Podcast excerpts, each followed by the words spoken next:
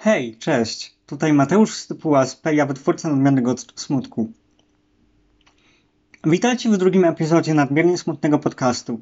Dzisiejszy odcinek będzie poświęcony w większości premierom w polskim Niezalu, ale nie zabraknie również międzynarodowych akcentów. Na początku jednak muszę Wam serdecznie podziękować za feedback, jaki otrzymałam po ostatnim odcinku. Dziękuję, że mnie słuchacie, no i za cenne rady, które dostałam od paru osób. Mam do ogłoszenia jeszcze coś, o czym pewnie większość z Was już wie, bo pisałam o tym na Peju. A mianowicie dwie rzeczy.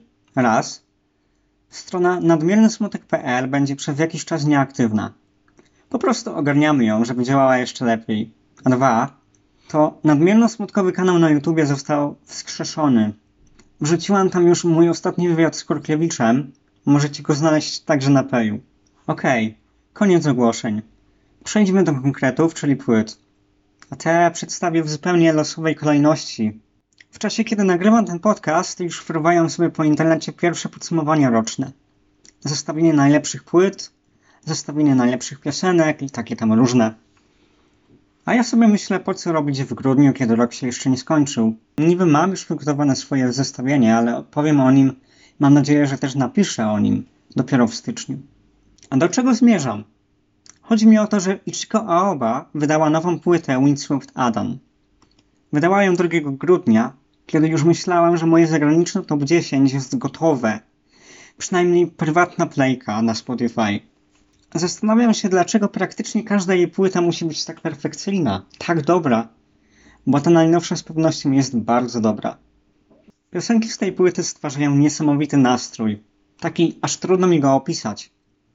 To coś pomiędzy błogością, przyjemną melancholią, nostalgią i smutkiem. Ich brzmienie jest delikatne, a przepiękny głos wokalistki bardzo koi. Aż chciałoby się w pełni zrozumieć, o czym śpiewa muzyczka. No ja nie umiem po japońsku, ale mam wrażenie, że na płycie przewija się motyw morza. Sama okładka przedstawia prawdopodobnie wokalistkę pod wodą, a kiedy czytałam tłumaczenie singla Porcelain, rzuciły mi się w oczy słowa takie jak delfin, wyspa, było też tam wspomnienie o rzeczach lśniących w piasku. Do tego ten szum fal na zakończenie płyty. Oczywiście to tylko moje niepotwierdzone przypuszczenia. Samo brzmienie jest niesamowicie spójne i angażujące. Jest też delikatne, kojące i świeże. Mam wrażenie, że to piosenki dobre na każdą porę, ale najlepiej sprawdzają się wieczorem. Trzecia w tym odcinku jest Rico i jej pełnoprawny debiut Nightmare Vacation. Dlaczego pełnoprawny? Już mówię. Rico Nasty to, jeśli ktoś nie wie, raperka i perfumerka tworząca trap, który często łączy się z bubblegum bass, ale zawiera też elementy punk rapu czy trap metalu. Ja pierwszy raz usłyszałam ją na self-titled płycie Injury Reserve z 2019 roku. Pojawia się tam w świetnym utworze Jawbreaker. No i tak luźno obserwowałam, co robi od tego czasu. 4 grudnia ukazał się jej debiutancki album, no i można powiedzieć długo oczekiwany, bo wcześniej wypuszczała tylko kilka mixtape'ów i epek. Jeden singiel z tego albumu, iPhone, wyprodukowany przez Dylana Brady'ego, mocno mnie wkręcił, także czekałam z ciekawością. Całość mnie rozczarowała. Może za dużo się spodziewałam. Mm, czekałam na taki album pełny bangerów. Raperka sama wyprodukowała kilka otworów, ale w produkcji całości wsparło ją kilkunastu producentów, w tym 100 Gags. Sam album został wydany w labelu Dylana Brady'ego Dog Show Records. No i jednak ta duża ilość producentów dała niezbyt fajny efekt. Zamiast bangerów otrzymaliśmy bardzo niespójny album. Mało rzeczy się w nim klei, wszystko to raczej przedstawia się jako luźny zbiór utworów. Oprócz tej piosenki iPhone, fajnie wypada też Let It Out, a najlepszy w tym wszystkim jest utwór, który zamyka album. Chociaż właściwie jego remix. Przynajmniej tych trzech piosenek warto przesłuchać. Przy okazji kolejnej płyty pojawia się już polski akcent, bo to płyta wydana w Glamour Label. Chodzi mi o płytę Super Alma Project, czyli projektu Igora Almeida, brazylijskiego producenta mieszkającego w Portugalii. Płyta nazywa się The Endeavor to Understand. I tak, wspominałem ją krótko w pierwszym odcinku podcastu. Dzisiaj opowiem o niej troszeczkę więcej. W tej muzyce jest coś przepięknie surrealistycznego. To takie niesamowicie ładne pomieszanie gatunków. Brzmienie post-internet, elementy breakbeatu, ambientu, glitchu i muzyki eksperymentalnej. Wszystko spaja się ze sobą, tworząc bardzo atmosferyczny i bardzo współczesny soundtrack. Ale nie wiem do końca czego soundtrack. Trochę waha się między sci-fi przygodą, trochę jak ścieżka dźwiękowa do dobrej gry, trochę taki życiowy. Brzmienie jest momentami bardzo żywiołowe i bardzo dostarcza. Czasem stwarza super energię, czasem jest dość melancholijne i nastrojowe. Przede wszystkim jest bardzo, ale to bardzo spójne. Atmosfera, o której mówiłam, sprawia, że to brzmienie mocno angażuje. No i te utwory są cudownie melodyjne i chyba przez to zapadają w pamięć.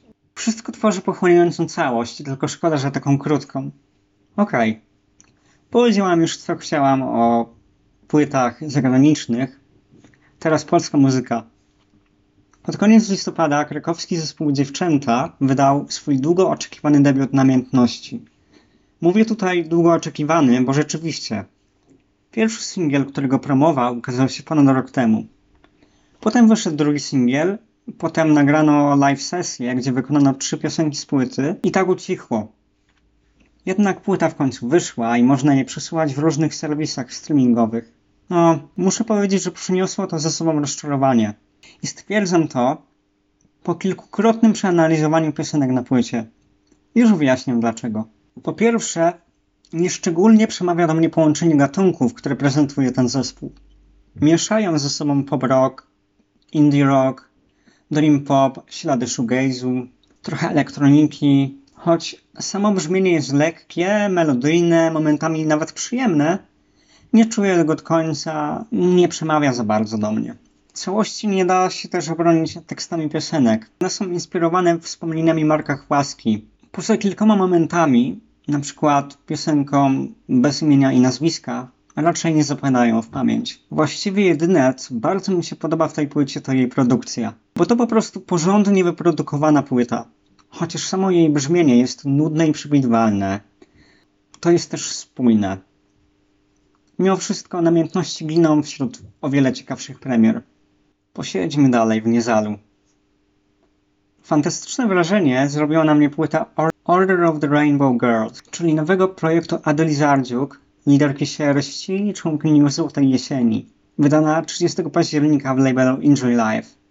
Chyba najbardziej urzekła mnie surowość tego brzmienia.